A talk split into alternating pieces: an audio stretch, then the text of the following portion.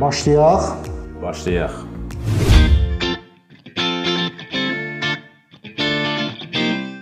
Toy gecəsi oğlanda, bəydə alınmır. Kim idmanla məşğul idmançılar özlərinə vururlar. Yəni elə yaşlı olur da. Bəli. e, Cavan oğlanlarda bu problemlər lap çoxdur. Viagranı neçə yaşından sonra atmaq ə, məsləhətdir? Toydan sonra da yolda Məsəl üçün birinci dəfə alınmarsa, cinsi əlaqədə olunur, amma məsəl üçün boşalma olur, masturbasiya olur. toydan 6 ay qabaq, toydan qabaq edəsinlər. Cinsi zəiflik və sonsuzluq. Burasındadır ki, Viagra'nı birinci kardioloqlar icad kardiologiya üçün icad etdi. Gördülər ki, Rezin bizi nə qədər qoruyur? bəli, onun qarantiyası yoxdur. Sevdiyin idman növü? Bağda kebab bişirmək. İbrahimzadə Eldar İslamoğlu 10 avqust 1967-ci ildə Bakı şəhərində anadan olmuşdur. Azərbaycan Tibb Universitetini bitirmiş, dəri zöhrəvi həkim, daha sonra isə kişi xəstəlikləri üzrə doktor androloq kimi fəaliyyət göstərmişdir. Bir sıra androloqlar assosiasiyasının üzvüdür. Bir neçə dəfə ən yaxşı həkim və ilin həkimi mükafatlarına layiq görülüb. Azərbaycan və rus, türk dillərində sərbəst danışır. Ailəlidir, 3 övladı var.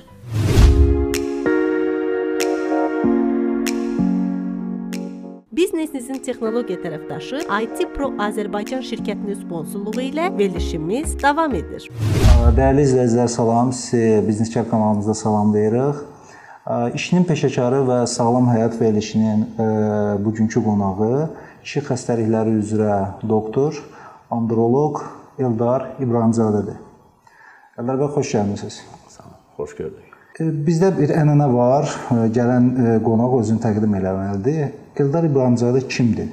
Eldar İbrahimzadə həkim, androloq, Bakı şəhərində doğulmuşam. Məktəbi Bakıda qurtarmışam. Tibb Universiteti Bakıda quta- Azərbaycanın Bakıda bitirmişəm. 94-cü ildə ondan sonra klinikalarda işləyirəm. Hökumət klinikasında işləmişəm bir neçə illər, sonra da özəllərdə işləyirəm. İndiyənə kimi indi özəl özəl klinikasında işləyirəm. Eldar, ümumiyyətlə mən səhv eləmirəmsə, əvvəl andrologiya, ümumiyyətlə androloq, həkim tapmaq, yəni demək o yox idi elə bir şey də. Mən səhv eləmirəmsə, son vaxtlarda bu yaranıbdı və həkimlər əmələ gəlib. Bəli, bu üzrə belə problemlər əvvəllər yox idi. Demək olar ki, bir 40, 50, 60 il bundan qabaq belə şey, yəni problemlər də olmayıb, amma axır bir e, 15-20 ildə yaman bu tendensiya, bu problemlər çoxaldıqca get-gedə çoxalır. Yəni əvvəl yox idi belə problemlər elə çox ki. Olmurdu. Yəni ki, tək-tük olardı. Amma indi bu axır bir 10-15 ildə e, o qədər çoxalıb ki, yəni get-gedə də təsvir olsun ki, bu azalmayacaq, daha da çoxalacaq. Eldar, ə, sən bəs ə, özün də, yəni ki, məsəl üçün Tibb Universitetini qutalardan elədin. Ə, Nə oldu ki, niyə qərara verdin ki, məhz ə, bu andrologiya ilə məşğul olacaqsan? Nə səni gətirdi bura? Mən 94-cü ildən dəri zövqə dispanserinin uroloji şöbəsində işləyirdim 94-cü ildən. Belə bir problemlər o qədər yox idi. Yəni veneroloji, cinsi əlaqə ilə keçən xəstəliklər, bu problemlər vardı, bununla məşğul olduq. Və kiçik urologiya de de deyilən bir ərazi var. Yəni prostat vəzidir, o məsələlərdir. Yəni bu məsələlərlə məşğul oluruq. Onlar var idi o problemlər.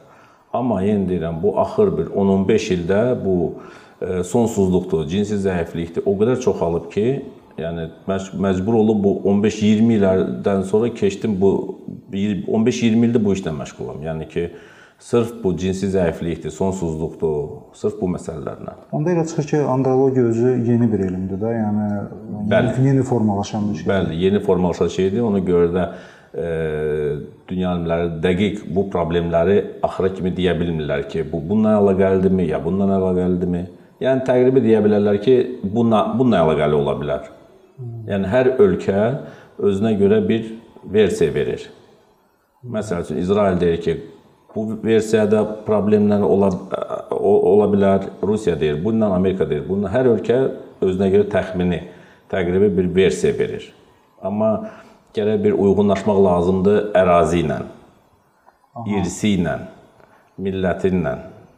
Yəni veneroloji da səhv eləmirəmsə Cinsi xəstəliklər. zəifliklə sonsuzluğu deyirəm. Hə, buna aiddir. Da sırf bu məsələni deyirəm mən. Cinsi zəiflik və sonsuzluq bu məsələlər. Eldar, ümumiyyətlə bu dəqiqə dünyada ə, ə, dünyada vəziyyət elədir ki, həqiqətən ə, belə də deyək, sonsuzluqdur, kişi sonsuzluğudur. Yəni kişi qadın Bu problem yəni kifayət qədər aktualdır, hər yerdə aktualdır. Ə, Ümumiyyətlə bizdə necə? Bizdə yəni ümumiyyətlə kişi sonsuzluğu deyiləndə bunun müalicə üsulu var onun ümumiyyətlə. Yəni adam əgər sonsuzdursa, o müalicə olunur o. Çünki reklam eləyirlər. Mən ona görə soruşuram. Yəni Ə, yenə deyirəm, bu elə bir ə, məsələdir ki, bu yeni bir məsələdir. Yeni yəni deyirəm ki, 10-15 ildir, 20 ildir maksimum bu problemlər çoxalıb. Əvvəl əgər əvvəllər tək-tük var idisə, bu axır 15-20 ildə lap çoxalıb. Yəni bu nə ilə əlaqəlidir? Dəqiq demək olmur. Yəni deyirsən ki, bu oturaq həyatlandır. Aha. O qədər insan var ki, hərəkətdədir, amma onda da problem var. Ha, o da var. Deyirsən ki, bu ə, ziyanlı işdə işləyir. İnsanlar var ziyanlı işdə işləyir, onda problemi yoxdur. Yəni baxırsan ki, yəni ə, rayon cəmaəti, kənddə yaşayan, təmiz hava, təmiz ə, produkt, ə, qida ə, istifadə edən Onda belə bir problem olmamalıdır. Amma onda da problem olur. Ona görə nə ilə əlaqəlidir, onu deyə bilmirik. Dünya alimləri dəqiq deyə bilmir onu. Ona görə də indi yaman ə, çoxalıb ə, sonsuzluq məsələ problemini həll etməyə ə, süni müayinləmə Hə, süni mayalama o çoxalıb və o da dəqiq deyil. Yəni ki, onun qarantiyası yoxdur. Ki indi eləyəcəm və düzələcək, alınacaq bu problem. O da Elə belə qarantiya bir şey deyim. Məsəl üçün ə, xaricdən həkimlər gəlir. Bu barbar bağırırlar hər yerdə. Yəni deyirlər ki, televizorda reklam zad ki, bu adam sonsuzluğu müalicə eləyir, belə eləyir. Yəni real bunlar nəsə eləyirlərmi yoxsa? Xar yox, xaricdən gələnlər əksəriyyəti süni müayinləmə eləyir. Hə, sinema. Bəli, onlar müalicə demək olar ki, eləmirlər. Müalicə məsələsi də dünya alimləri deyirlər ki, özünüzdən Amerika açmayın. Bu məsələni yoxlayın və bu dərmanları yazın. Hə, yəni konkret ə, müalicə üsulları. Bəli, amma yenə o insanla, konkretlə, pasiyentlə e, individual işləmək lazımdır ki, yəni onun həyat tərzi, onun e, ev şəraiti, onun sinir sistemi, yəni yuxusu, bu endokrinoloji problemlər, bunlar bir neçə məsələləri yoxlayandan sonra ona nəsə dəva dərman yazmaq olar. Yıldar, bəs məsəl üçün belə deyim, ə, pis vərdişlər var da, məsəl üçün siqaret çəkmək, mənim alkoqollu içkilər, ə, digər bu kimi də energetik içkilər. Bunlar ə, nə qədər təsir edə bilər ə, bu ə, xəstəliklərin bu əmələ gəlməsinə? Hər bir e, neqativ məsələ olan bu e, siqaretdir, spirtli içkidir, narkotiklərdir, ya da ki, energetiklərdir. Bunlar hamısı əlbəttə ki, ziyanverici şeylərdir. Əlbəttə ki, əgər insan bu ə, uşaq məsələsi problemini həll eləmək istəyirsə, bunlar hamısı dayandırılmalıdır. Aha. Hamısı dayandırılmalıdır ki, bu problemi həll eləyəndən sonra deyir, sonra özü bilər, amma eləməsə lap yaxşı olar əlbəttə ki. Yıldar, bax məsəl üçün əgər ə, insan məsəl üçün də həyat, ə, ailə həyatı qurmağa hazırlaşır və bu nə qədər vaxt əvvəl məsəl üçün yaxınlaşmalıdır, ümumiyyətlə müalicəsini almalıdır ki, ə, ailə həyatını daha belə deyək, stabil, daha yaxşı giriş edə bilsin belə deyək. Bunları müayinə eləmək və müalicəsi, əlbəttə ki, birinci müayinə eləmək bir toydan 5-6 ay əvvəl həkimə müraciət eləməlidirlər. Hmm. Ki, əgər problem varsa, toydan qabaq bu problemləri həll eləmək lazımdır. Yoxsa e, bəziləri toydan 1 il, 2 il keçəndən sonra gəlirlər, i ondan sonra təzədən başlayırlar. Ha, ki, problemin var. Problemin var, i başlayırsan elə bu e, bu problemlərdən üzləşirlər və uzanır bu məsələ. Eldar, belə bir şey deyim. Bax bu ə, yəqin ki, bu psixoloji məsələlərlə bağlıdır da, bu həm də ə, xəstə xəstəliyin özünü demirəm, ümumiyyətlə də bəzilərində olur deyir ki, ə, kişi sonsuzluğu var, amma məlum olur ki, kişi sonsuzluğu deyil, bunlar da psixoloji məsələdir. O olubmu belə xəstələr? Bəli, beləsi də olur, özü də az da deyil. Daha çox bu nəinki sonsuzluq, cinsi zəifliklə çox əlaqəlidir bu, psixoloji bir məsələ. Aha. Bu ə, Amerika Assosiasiyası, Androloji Assosiasiyası daha çox bu psixiatriya əlaqələndirir ki, bu psixoloji bir məsələdir. Aha. Yəni cinsi zəifliyi daha çox psixoloqlar müalicə eləyirlər. Aha. Daha çox. Amma yenə deyirəm, bizdə yəni ümumiləşdirmək olmaz bütün dünyadakı kimi. Ona görə ki, bizim mentalitetimiz biraz ayrı cürədir. Fərqlidir. Bəli, fərqlidir. Ona görə də hər e, insandan individual yanaşma, hər bir insana individual müalicə, yanaşma müalicəsi və belə. Eldar, ümumiyyətlə bax belə deyim də, bax kişilərdə ümumiyyətlə fərqi yox da, yəni bir cinsi əlaqədən söhbət gedirsə, onun bir ə, müəyyən bir ə, belə deyim, varmı ki, ə, məsəl üçün həftədə bu ə, nə qədər olmalıdır insanda ümumiyyətlə kişidə və yaxud da qadında fərqi yoxdur. Yəni e, gündəmi olmalıdır bu, həftədəmi olmalıdır, aydamı olmalıdır. Yəni bir onun qaydası var yoxsa bu individualdır hər şeyə görə xəstəliyə? Ümumiyyətlə hər şey bir individualdır, amma belə bir e, yazılmayan bir protokol kimi belə bir şey deyim də. Yəni təxmini bir e, 25 yaşa qədər təxmini olmalıdır. Bir gündən bir ya hər gün 25-35 həftədə bir 3 dəfə, 35-50 həftədə bir 2 dəfə, amma 50-dən sonra həftədə bir dəfə. Bu yəni belə yazılmayan bir norma kimi hesablanır. Bəli. Bəs e, belə deyək, əgər bu normalara əməl olunmursa, olunmursa, bu hansı fəsadları verə bilər ümumiyyətlə? sidik cinsiyyət orqanında problemlər yarana bilər. Yəni durğunluq, qan dövranının pozulması, plus bu yenə deyirəm, sinir sisteminə əlaqəlidir, yuxusuzluq, yəni hansısa bir dava dərman içir, ya da ki, problemi var, həkimə getmir.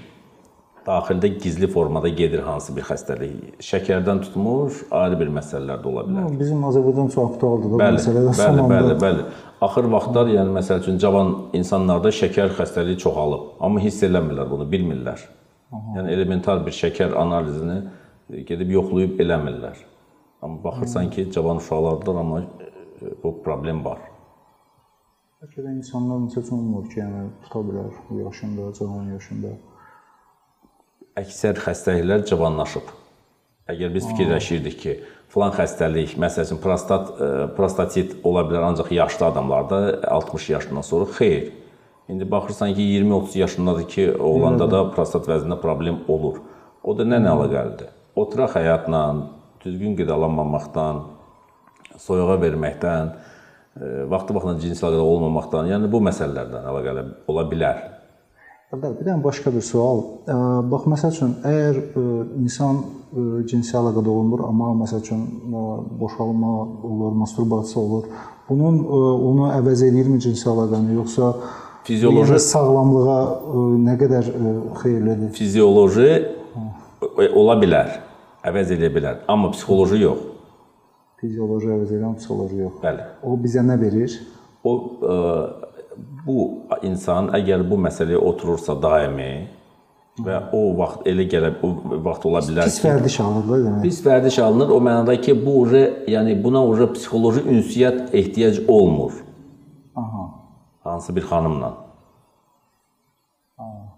Yəni emosiya. Bəli, olur. olmur, bu sırf fizioloji olur. Yəni bu ə, bu sağlamlığa təsir göstərirmi belə? Sırf psixoloji. Sırf psixoloji. Sırf psixoloji, fizioloji yox. Eldar, ə, bax necə olur ki, ə, qadınlar daha tez yetkinlik yaşına çatır, amma oğlanlarda bu proses daha ə, gec gedir. Yəni bu ə, bizim təb ə, təbii quruluşumuzla asılıdır. Bəli, bu normal bir fiziologiyadır. Amma yenə də baxır iqlimdə harda yaşayır. Cənubda daha tez inkişaf olur. Ha, Şimalda biraz bəli, əlbəttə ki, şimalda daha gec.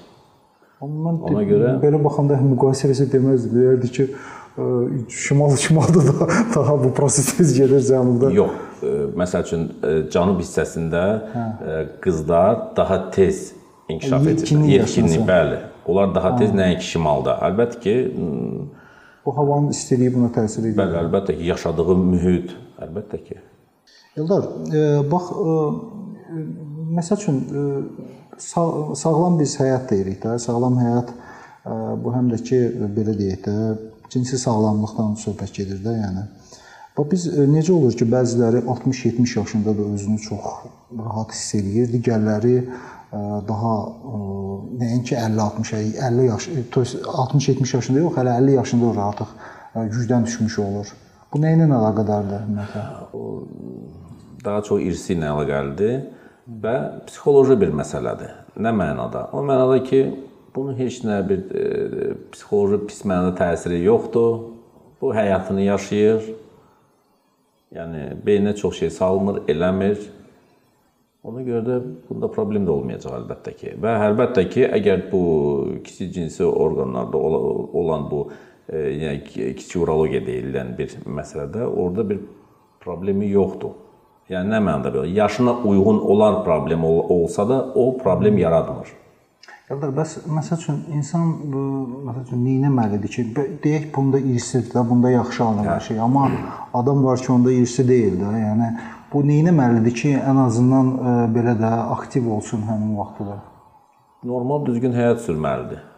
Yəni əsas psixoloji bir məsələ, vaxtı-vaxtında yatmaq, 7-8 saatını yatmaq rejimlə. Yuxu məsələsində bizim sualımız var da, o vacibdir yuxu məsələsi. Çox çox vacibdir.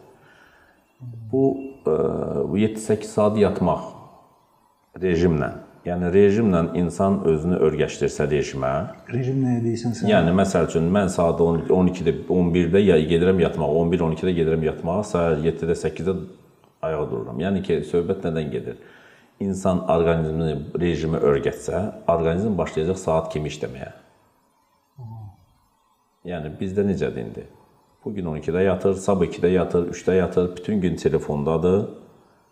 Yəni beynini lazımsız informasiya ilə doldurur. Belə deyək də, yaxşı vərdişi öyrətməliyik də belə. Bəli, yaxşı vərdişə. Yəni demirəm ki, getsin bütün gün trenajor zalda, o da belə bir ehtiyac yoxdur. Yəni ki, bütün gün təmiz havada gəzməlidir. Ca- Yaşına uyğun olan fiziki naqruzka verməlidir özünə. İdman eləyə bilər də, amma Mütləq eləməlidir. Yaşına uyğun olan idman. Yəni biri var 20-25 yaş, biri var ki 50 yaş. Aha. Əlbəttə ki, o 50 yaşındakına ehtiyac yoxdur getsin e, trenajor zala, ştanga ilə, ağır yüklərlə, o əlbəttə ki, ziyan verəcək ona. Onu elə təmiz havada gəzmək, elementar bir yerdən jim eləmək, yəni adi turnik olsa lap yəni yüngül var, fitness fitness, adi hə. fitness yaşlaşdıqca. Amma cavan vaxtda cavan əlbəttə ki, naqruzka, çeresür çox naqruzka olmaya, olmamaq şərti ilə idman bez problem eləyə bilər. A, yəni oyun idmanları, futboldan tutmuş voleybol hər bir e, idman növündən məşğul ola bilər. Cavan vaxtda əlbəttə ki. Yaşlı yaşlaşdıqca o 40-50-dən sonra belə e, naqruzkalı fiziki idman məsləhət deyil. Eldar, əgər bax mən belə deyim də, ə, insanda artıq çəki varsa, bu ə, təsir eləyirmi ümumiyyətlə cinsi fəallığa? Normada təsir eləməlidir, amma yenə deyirəm, individualdır. İnsan var ki, artıq çəki 30-40 kilo artıq çəkisi var, amma cinsi məsələdə problemi yoxdur. Bu bilmirəm, bu irsi ilə əlaqəli, nə ilə əlaqəlidir, amma belə bir şey məsələdə var. Əlbəttə ki, söhbət bu artıq çəki tək cinsi məsələ təsiri deyil. Yəni daxili orqanlarda təsiri var axı. Ürəkdən tutmuş, şəkərdir, o biri məsələlərdir, daxili orqanlardır. Ona görə yəni Yəni birbaşa təsiri yoxdur da belə deyim. Bəli, demək olmaz ki, sırf bu artıq çəki birbaşa cinsi məsələyə təsir edəcək. Bəli, yoxdur. Eldar, ə, ölkədə boşanmalar son vaxtda bu cinsi məsələlərə görə çoxalıb da, həddindən artıq çoxalıb da. Yəni belə bir şey olurmu ki, məsəl üçün səndə praktikada ümumiyyətlə olubmu ki, yəni bu sırf bu cinsi zəiflik səbəblərindən yəni ə, boşanıblar. Bəli, var. Özü də az da deyil. Cavan bunlar təzə evlənirlər. Mənim praktikamda da belə bir çox belə bir məsələlər var ki, toy gecəsi oğlanda, bəydə alınmır. Yəni elə olur ki, 1 ay alınmır, 5 ay alınmır, 1 il alınmır. Hətta elə. Bəli. Beləsi də az da deyil. Çoxdur. Ona görə deyirəm, bunlar toydan əvvəl bir 6 ay, 5-6 ay əvvəl həkimə getməlidir, müraciət etməlidir. Problemləri var. Uyğunsuzluq var ona görə.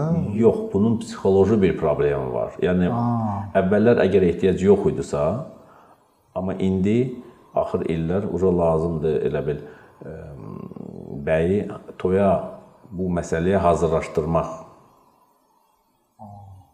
Yəni bir bir neçə məsləhətlər vermək, yəni onu bir ə, hazırlaşdırmaq buna. Bəy, bəy təsəvvür edirsiniz ki, həm toya hazırlaşır, həm də ona hazırlaşır. Bəli. Yəni ola bilər stress də, yəni rol. Bəli, hamısı hamısı qarışır bir-birinə.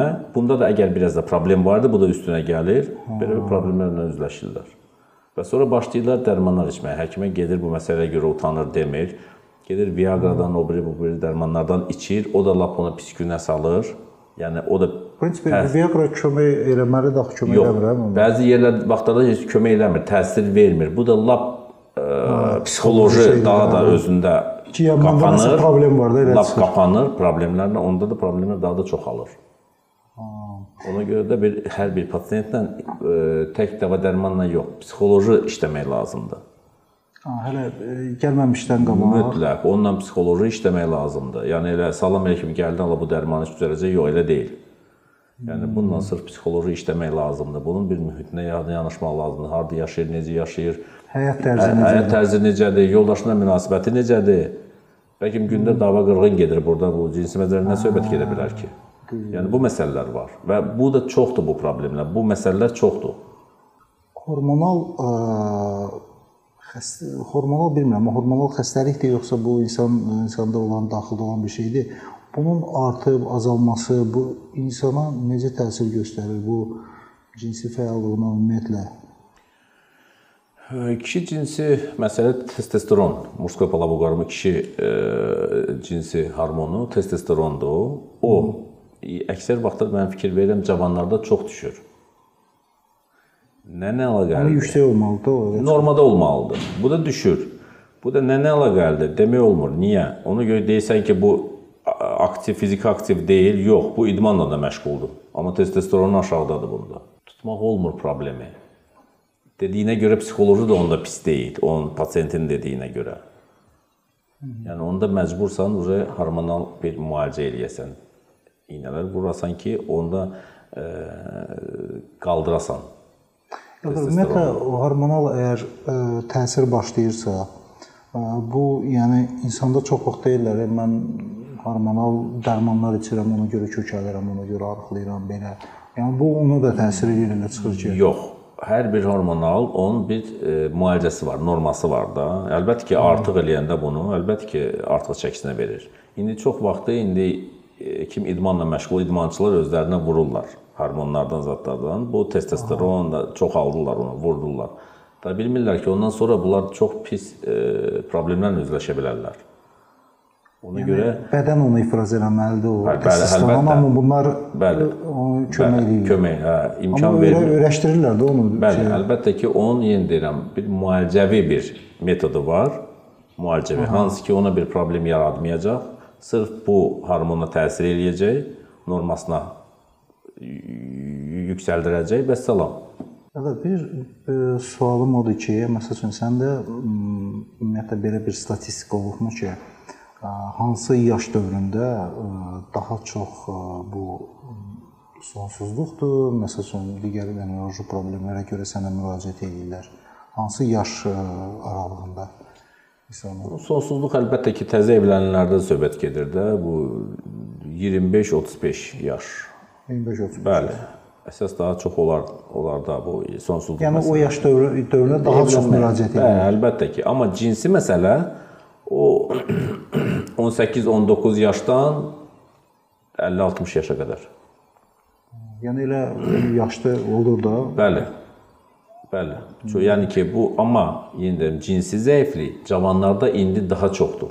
Yəni 20-25 yaşında, 20-30 yaşı arasındakı olan ə, cavan oğlanlarda bu problemlər lap çoxdur. Eldar, cinsi zəiflik və sonsuzluq bunlar müxtəlif anlar Bəli, şeylər. müxtəlif şeylər. Yəni bunu necə açıqlaya bilərsən? Məsəl üçün Ola bilər ki, onun uşağı olmur. Sonsuz sonsuzdur, amma cinsi məsələdə bax heç bir problemi yoxdur. Aha. Ya da ki, cinsi zəifliyi var, amma analiz verir, spermoqram verir, sperması əladır.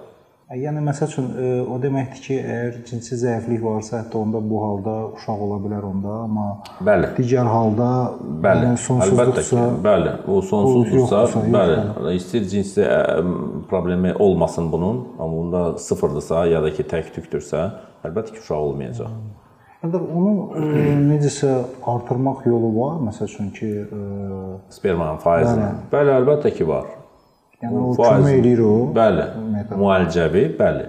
Onu da müalicə əvvəlcə ə, bir neçə məsələni yoxlayırsan ki, hansı ki toxum faizinə təsiri olan problemləri aradan götürürsən, ondan sonra toxuma görə 3 aylıq müalicə gedir. Niyə 3 ay? Ona görə ki, spermatozoidlər ə, ə, xayda əmələ gəlir 75-78 günə. Müalicə ona görə təxmini bir 90 gün olmalıdır. Bəzi vaxtlarda indi həkimlər ə, ya kimsə indi başlayır analizləri ya da ki, pasiyent özü gedir analiz müalicə gedə-gedə analiz verir. Müalicə gedə-gedə analiz verməyin mənası yoxdur. Niyə? Ona görə ki, müalicə gedə-gedə dərman içəndə toxum faizi oynayır. Ya qalxır, ya düşür. Ona görə mənası yoxdur. Ona görə müalicə getməlidir 3 ay, ondan sonra 1 ay keçməlidir. Ancaq ondan sonra analiz verə bilərsən ki, dəqiq biləsən ki, nədir səndə. Eldar, o bu analiz məsələsində dedim. Məsəl üçün analiz əgər bu yeni bir şeydirsə, yeni bir elm sahəsidirsə, analiz ə, yəni professional analiz götürənlər bizdə varmı o sahədə, yəni? E, İş orasındadır ki, Azərbaycandan söhbət gedir. analiz götürən deyir spermogrammadır da. Yəni ki, sperm analizini verir, amma yenə deyirəm, gərək düzgün verilə. 3 gün pəhriz, görmək 3-4 gün pəhriz, olmalı cinsi pəhriz 3-4 gün. Ondan sonra spermoqramma verməlidir. Spermaya təsir ola bilər. Sinir sistemindən tutmuş, bu psixoloji bir məsələdən tutmuş, bunun e, bundan qabaq spirtli içki içmək, zat bunlar hamısı spermatozoidlara təsir eləyə bilər. Ona görə pasiyentə deyirsən ki, bir neçə gün əvvəl çalış, e, normal həyat sür, izin verici şeylərdən biraz uzaq ol. Ondan sonra analizi ver. Bəs cinsi pəhriz deyəndə nə nəzərdə tutsan? Yəni axırıncı cinsi əlaqədən sonra bir 3 gün ol, 3 gün Hə, ara yəni olmalıdır. fasilə olmalı. Bəli, bir 3-4 gün ara. Ki analiz o olmalıdır. Yəni qanunla belədir. Eldar, belə bir məsələ, ə, ə, rezin bizi nə qədər qoruyur ə, şey Prezervativ, xəstəliklərdən? kondom deyirlər də, prezervativ vardırsa bir 50%. Ə, 50%, 50%. Bəli, onun qarantiyası yoxdur. Kondomlardan e, 100% 100% yəni e, qorunmaq olmur. Prezervativ yaxşı şeydir. Əladır. Amma yenə bilsinlər hamısı ki, qarant yoxdur. Hə, ola bilər hətta oradan sonra Bəli. tutulsun Bəli. xəstəlik. Bəli. Hələ m, cinsi əlaqə ilə keçən xəstəlikdən əlavə də deyirlər məişət xəstəliyi keç keçmək məsələsi. O nə deməkdir? nədir? Məişət nə deməkdir? Yəni hansısa bir zöhrəvi xəstəliyi, infeksiya paltarda qala bilər. Yəni alt tumanda qala bilər, e, prostanda, qətvədə 2 sutkaya qədər XB-də qalır. O məhv olur ancaq isti suda qaynada, qaynayanda, qaynayan 100 dərəcə temperaturda ancaq onda məhv olur. Bir dəqiqə mən bu məsələn başa düşmədim. Yəni bu ə, yəni dəridən nəsə keçir? Yox. Bir-birinə yoxsa Pasiyent xəstə adam trenajor zaldamı, yoxsa e, sauna, parnoyda, ya harda, ya qonaq, ya oteldəmi? Orada qurulanır. Onların bəli, qətvələr. bəli qətvələrlə qurulanır. İndi xəstə adama əgər qurulanıbsa, onun üstünə düşsə, onlar axıb qətvələri qaynadmırlar. Yox, yuyurlar, paltar yuyan maşını, o da 30-40 dərəcə qoyurlar da. Orada qaynatmırlar axı onu. 30-40 dərəcə O da ölmür. Xeyr. O da ölmür. Sən faktiki olaraq hətta heç nə olmasa belə, yəni Məişət- prosta xəstəlik tuta bilərsən. Faizi azdır, amma var. Faizi azdır, amma var. Maraqlıdır. Yəni belə bir məsələ var. Onda özümüzü şey otellərdən də Bəli. qoruyaq. Hara getsəz özünüzlə, hər şeyi özünüzlə aparın. Ancaq öz individual olmalıdır. Hətta qətvəni belə. Bəli. Im, bax necə fikirləşsən, bax əgər insanlardan məsəl üçün ba- başlayırsa bu problemlərdə, yəni bu cinsi aktivliyin azalmasıdır, sonra sonsuzluqla bağlı problemlərdir. Belə insanlar ümumiyyətlə həyatda uğur qazana bilirmi? Yəni yəni nə qədər psixoloji güclü olmaq lazımdır ki, bu şeyi keçəsən bu yeri? Daha çox belə problemlə olanlar bu problemi qoyurlar qırağa, başını qatırlar işi varsa işə. Hə, yəni unutmağa çalışırlar. Bəli, işlə başını qatır, ya nə nəsə qatır, yəni ki, bu problemi uzaqlaşdırır özündən. İnsan var ki, yox, bir şey də olsa, nə də olsa, bunu əsas götürür və bu psixoloji elə pis vəziyyət verir, belə bir problem yaradır buna. Ki, yəni ki, bundan yəni çox pis stresslərə düşür.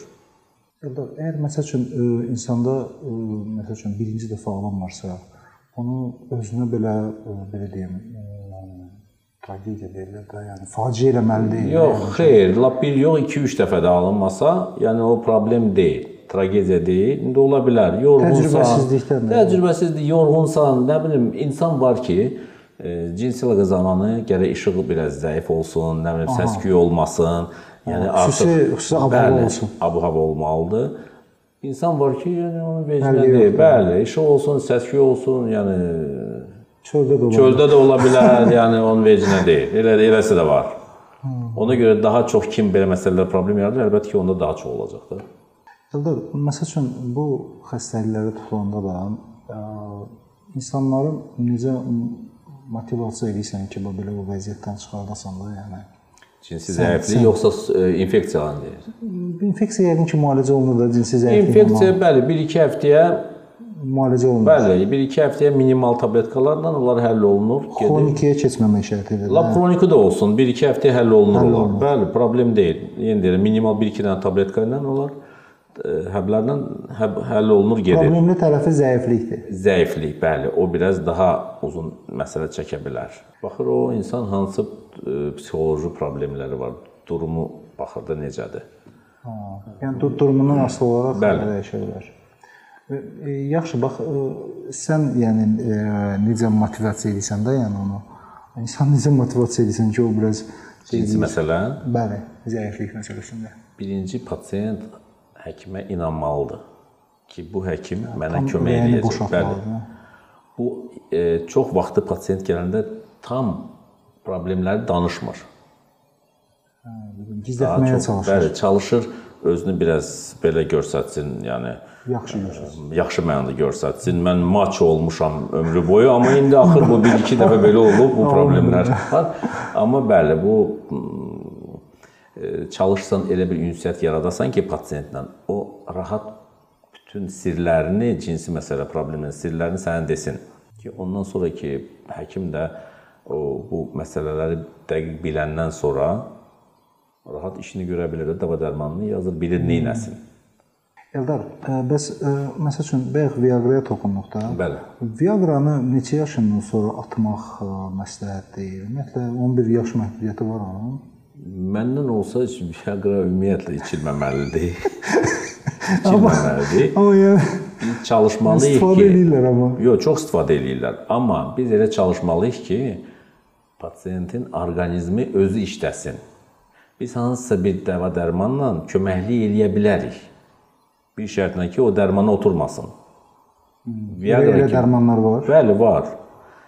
Heç bir təbii dərman güya indi otdan hazırlanmış şey cinsi məsələ təsir edir, boş söz söhbətdir, təsiri yoxdur. Hər bir dərman hansı qutunun üstündə yazılır ki, 100% təbiidir və o dərman yarım saat, 1 saatdan sonra effekt verir. O dərmanlarda kimyəvi bir az da olsa var.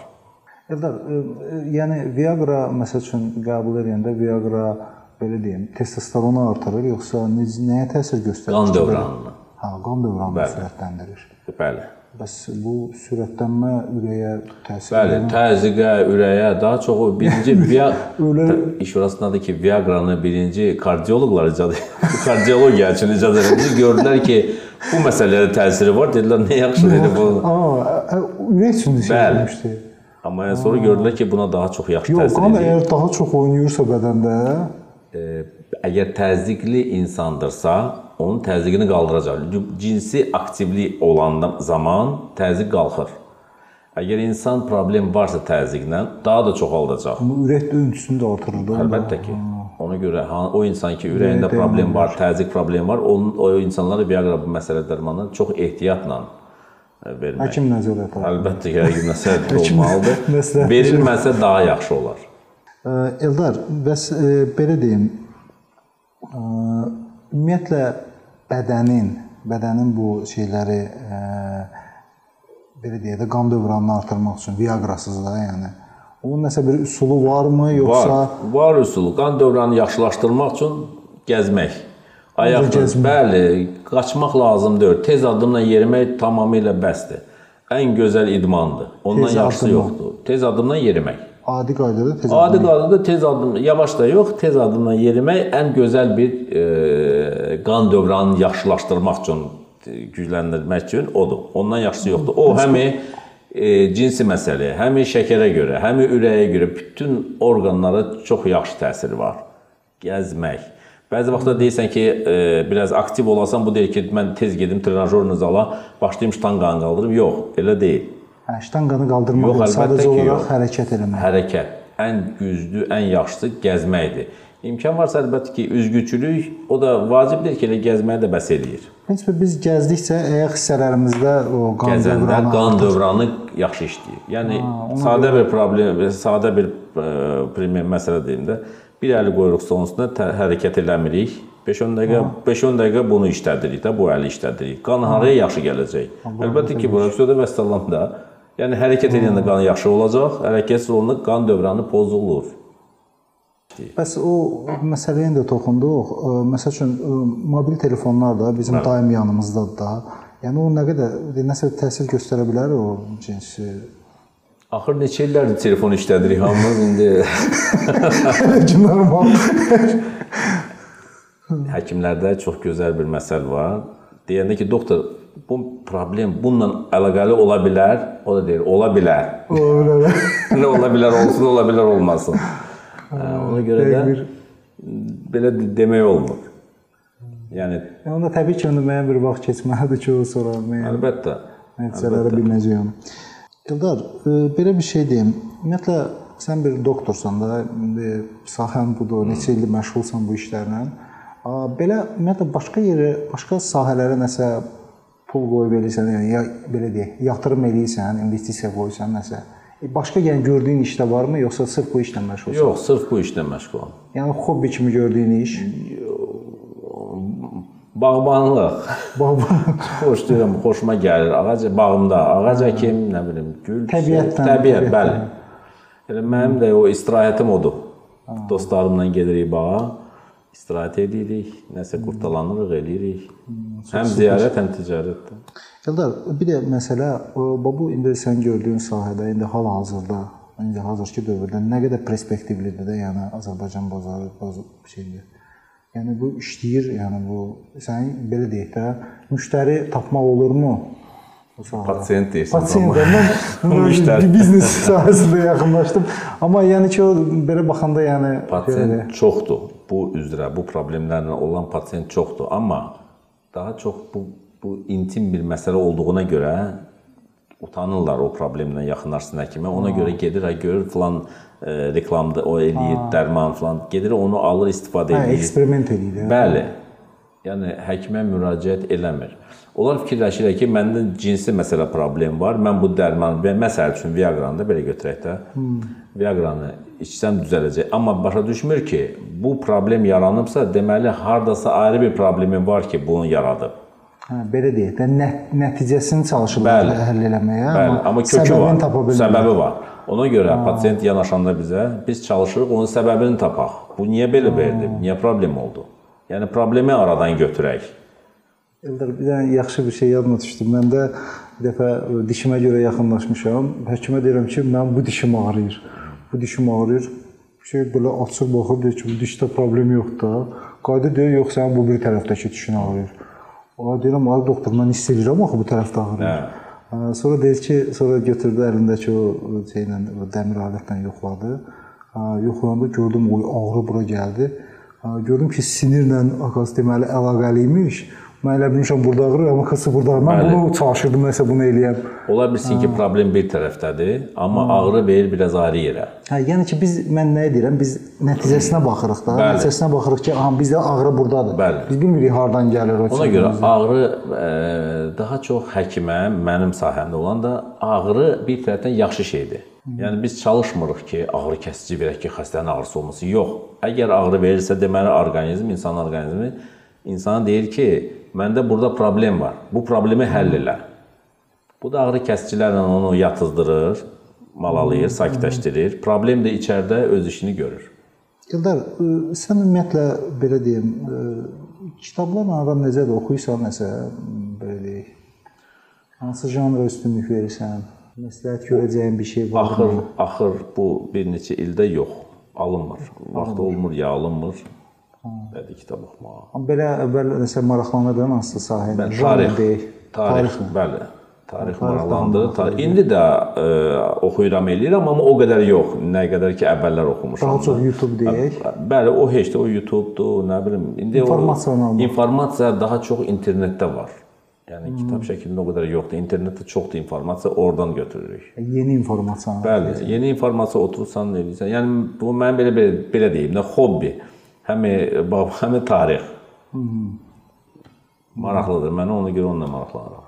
Eldar, gəl indi bax məsəl üçün dediklərimizi bir cəmləyək, ümumiyyətlə də gənclərə ə, nəsə bir məsləhət eləyək ki, yəni həqiqətən cinsi ə, nəinki cinsi, ümumiyyətlə sağlamlığın zəif olması, müəyyən bir problemlərin olması onların gələcək uğurlu karyerasına, iş həyatına birbaşa təsir göstərir.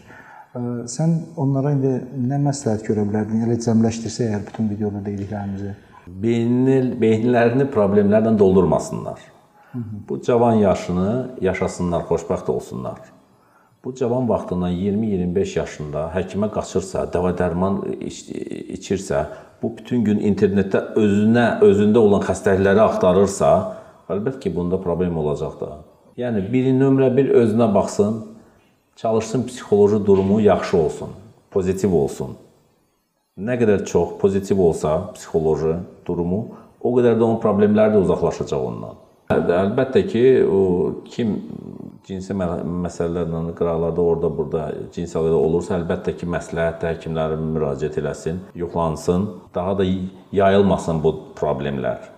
Yəni bəziləri deyirlər ki, "Hə, heç nə olmaz, e, tuturam problemdir, gedəcəm Eldar doktor e, yazacaq dərman, qutarıb gedəcəm, amma başa düşmürlər ki, bunun puluna da e, problem yəni pulu da gedir, canı da gedir, dərman da içir. Niyə? Elə o pulu gedər özünə keyfinə istifadə edər də. Yəni biraz bir balaca fikirləşsinlər nə edirlər, nə edirlər. İndi Instagramdan suallar rubrikasına keçirik. Instagramda bizə belə Tensiontik adlı izləyicimiz belə bir sual yazıbdı. Əgər uşaq olmursa, qadın və kişi hər ikisi yoxlanmalıdır, yoxsa qadını yoxlamaq lazımdır? Əlbəttə ki, kişi androlog da yoxlanılmalıdır, qadın da ginekoloq da yoxlanılmalıdır. Vəssalam. Amma yenə deyirəm, bu daha çox yaxşı olar ki, e, toydan əvvəl yoxlanılsın. Həkimə müraciət Toydan əvvəl bu indi yoxlayırlar axı bir nəsə ə, nigaha girməmişdən qabaq nəsə belə. Yox, orada Nəyi yoxlayırlar, qanda yoxlayırlar, bu e, mən bilən spid sifilisi yoxlayırlar. Vəssalam. Bunları yoxlayırlar. Bəli. olmasın. Ancaq bunları mən bilən yoxlayırlar, qalan şeylər yoxlanmırlar.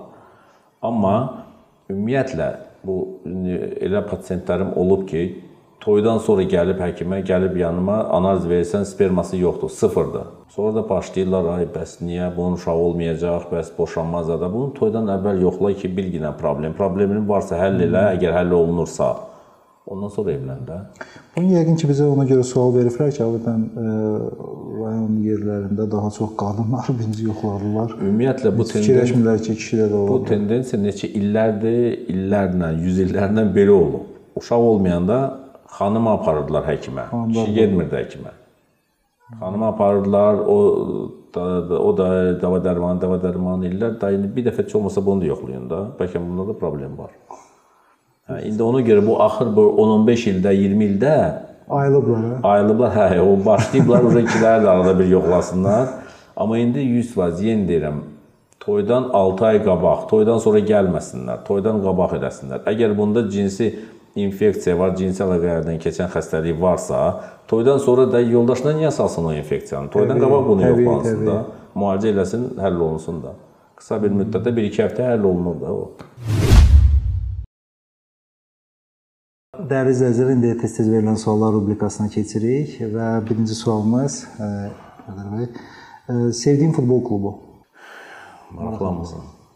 Diplom yoxsa bacarıq? Bacarıq. Ə, sevimli avtomobil markan? Yox. Yoxdur, maraqlanmısan. Sənin fikrincə indiyənə kimi çəkilmiş ən yaxşı kino? Olmasın bu olsun. Putin yoxsa Erdoğan? Erdoğan.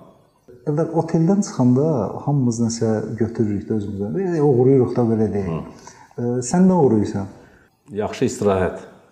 Ə, Eldar, səncə xoşbəxt olmaq üçün nə lazımdır? Həyata düzgün baxmaq. 9 vur 6 bərabərdir. Azərbaycanca rusca soruşdu. Azərbaycanca mən mən rusca onu çevir. 9-6 Hə, 54.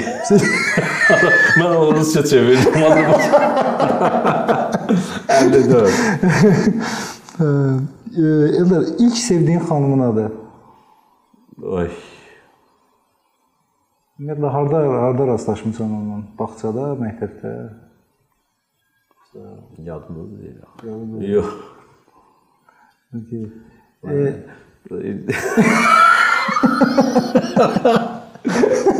neyse. Dəvə get. Dərnə getməyək burada. Əgər ki, ona telefonla gedənlərə necə baxsan? İndiki zamanda normal. Onu hamısı eləyir, hamı hamı gedir. Eldar, hansı kinoya baxmısan, təsirlənmirsən də sənə belə şey təsir edib də belə? Spesifik Schindler'a. A, Həyatına pozitiv təsir göstərən şəxsin adı. Uşaqlarım İndi indiyənə kimi səyahət elədiyin 3 ölkənin adı. Ukrayna, Finlandiya, Rusiya. Bəs e, gələcəkdə haranı istəyərdin səyahət etmək? 3 ölkənin adını deyirdin də. İtaliya, elə Azərbaycan yaxşıdır. İtaliya, Azərbaycan. Azərbaycan yaxşıdır. İtaliyada baxılası şeylər var ona görə də, yoxsa E, yəni tarixi baxımdan da. bəli o belə deyək. mənada. E, Ukrayna yoxsa Rusiya? Ukrayna. Uşaq vaxtı səni nə ilə qorxudurdular? Bayra buraxmamaqla. Sevdiyin idman növü? Bağda kebab bişirmək. Bu qəşəng idman növüdür.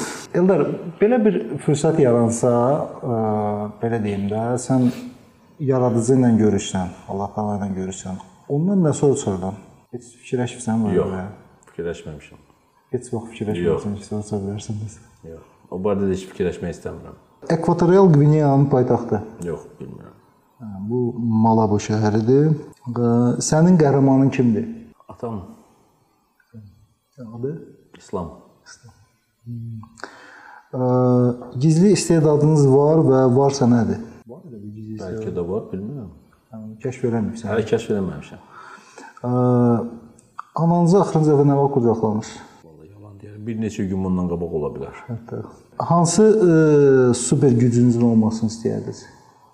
Yəni əgər seçim olsa da, yəni hansı super gücü istəyərdin? Daha çox informasiyanı qəbul edib saxlamaq beynində. Mega mozqda belə deyək. Bəli, beyin, beyin, beyin nömrə 1-dir indi. Eldar, bu gün həyatında son günün olsa nə işlə məşğul olardın? Gündəlik e, elədiyim işlər. Standart. Bəli, standart. Ə, bax belə deyək, gəl biz indi sənə 1 milyard dollar pul versək. Verməyin. Tutalım ki, verdik. Tutalım ki, verdik. Ə, sən nə iş görərdin? Heç nə. g- gördüyün bir dəqiqə gördüyün işlə məşğul olardın, yoxsa nəsə başqa iş görərdin? Heç bir şey o boyda pul yox, o boyda pulu ancaq bir fond açıb fonda ötürmək ki, o fonddan ehtiyac olanlara dağıdılsın. Bəs sən özün yeyərdin? Özümə yox, o boy pul çox puldur. Çox oldu. Bəli, çox çox puldur. 1 milyard çox puldur. Çox maraqlı. Pul yoxsa vicdan? Vicdan, Güc nədədir? güc ağılda. Dostlar, indi konkurs rubrikasına başlayırıq. Eldar, ə, izləyicilərimiz üçün nə hədiyyə gətirmisiniz? Öz xidmətlərimi təklif edə bilərəm, amma e, şəhid ailələrinə, bir də qazilərə pulsuz müayinəm mən tərəfdən və pulsuz pulsuz müalicə olunacaq. Yəni ə, belə deyək, ə, qazilər, Bəli, və şəhid ailələr. şəhid ailələri Mənə aid olan problem varsa, mən tərəfdən pulsuz müayinə və pulsuz müalicə. müalicə olacaq. Dəyərli izləyicilər, eşitdiniz, yəni şahid ailələri, qazilər mü- müraciət edə bilər. Yəni müraciət edəndə bizdə şərhlərdə öz fikrini bildirə bilər ki, biz onu qeydə alaq. Ə, Videonu like edib və ə, kanala abunə olmaqla bizim indi Instagramda keçiriləcək ə, şeydə viktorinada ə, qalib olub müayinədən yararlana bilərlər.